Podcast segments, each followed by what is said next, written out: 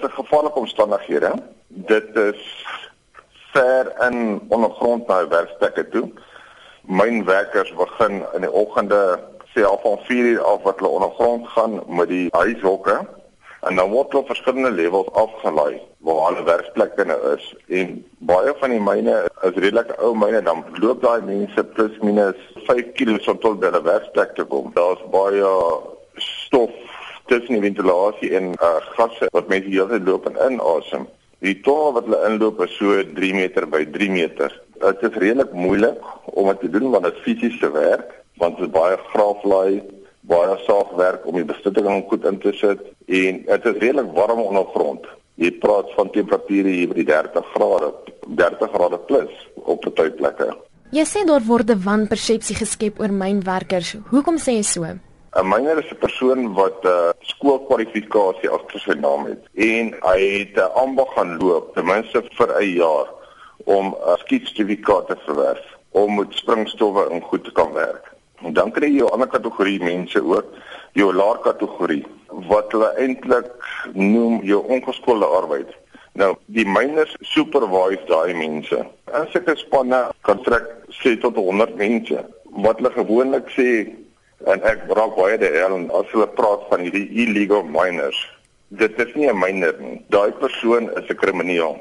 So hulle maak eintlik 'n miner se naam sleg daarso want 'n miner het 'n kwalifikasie.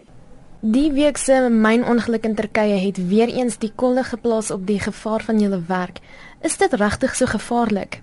Daar's duisende tonne rots boken en enige iets kan gebeur. So dit is gevaarlik as jy nie die regte ding doen nie. Daar is standaarde en prosedures in plek wat jy moet voldoen aan om 'n veilige situasie te skep. En veral met vandag se tegnologie van tipe supporte wat jy kan insit ek sal sê 99% van die fatale ongelukke wat ons uit deesdae kry, dit is deur mense wat die Engelsman noem dit shortcuts. As jy van die statistieke in vergelyking met ons ongelukke op die paaie en die hoeveelheid ongelukke wat ons weer myn het, kan jy nie sê die myne is onveilig vandag nie. Ek sal liewer ondergrond wil wees voordat ek op Suid-Afrikaanse paaie wees. Dit is nou juist die boorders wat meer geld wil hê. Hoeveel gate moet hulle boor op 'n dag? Jy kan 2 gate op 'n dag boor of jy kan 50 gate op 'n dag boor. Dit hang af van tyd tot tyd.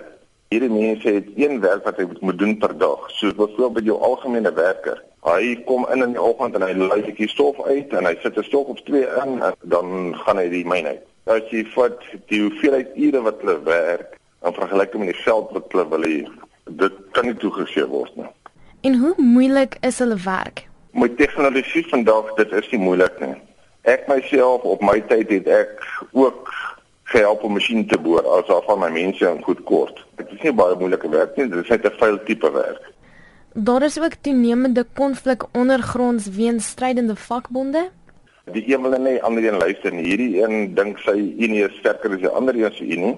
So as jy 'n spanleier is wat in een unie behoort en jy sê vir die ander man wat onder jou werk wat jy 'n instruksie moet gee, luister doen dit dan sê maar ek luister na jou nie want ek behoort aan hierdie sterk unie.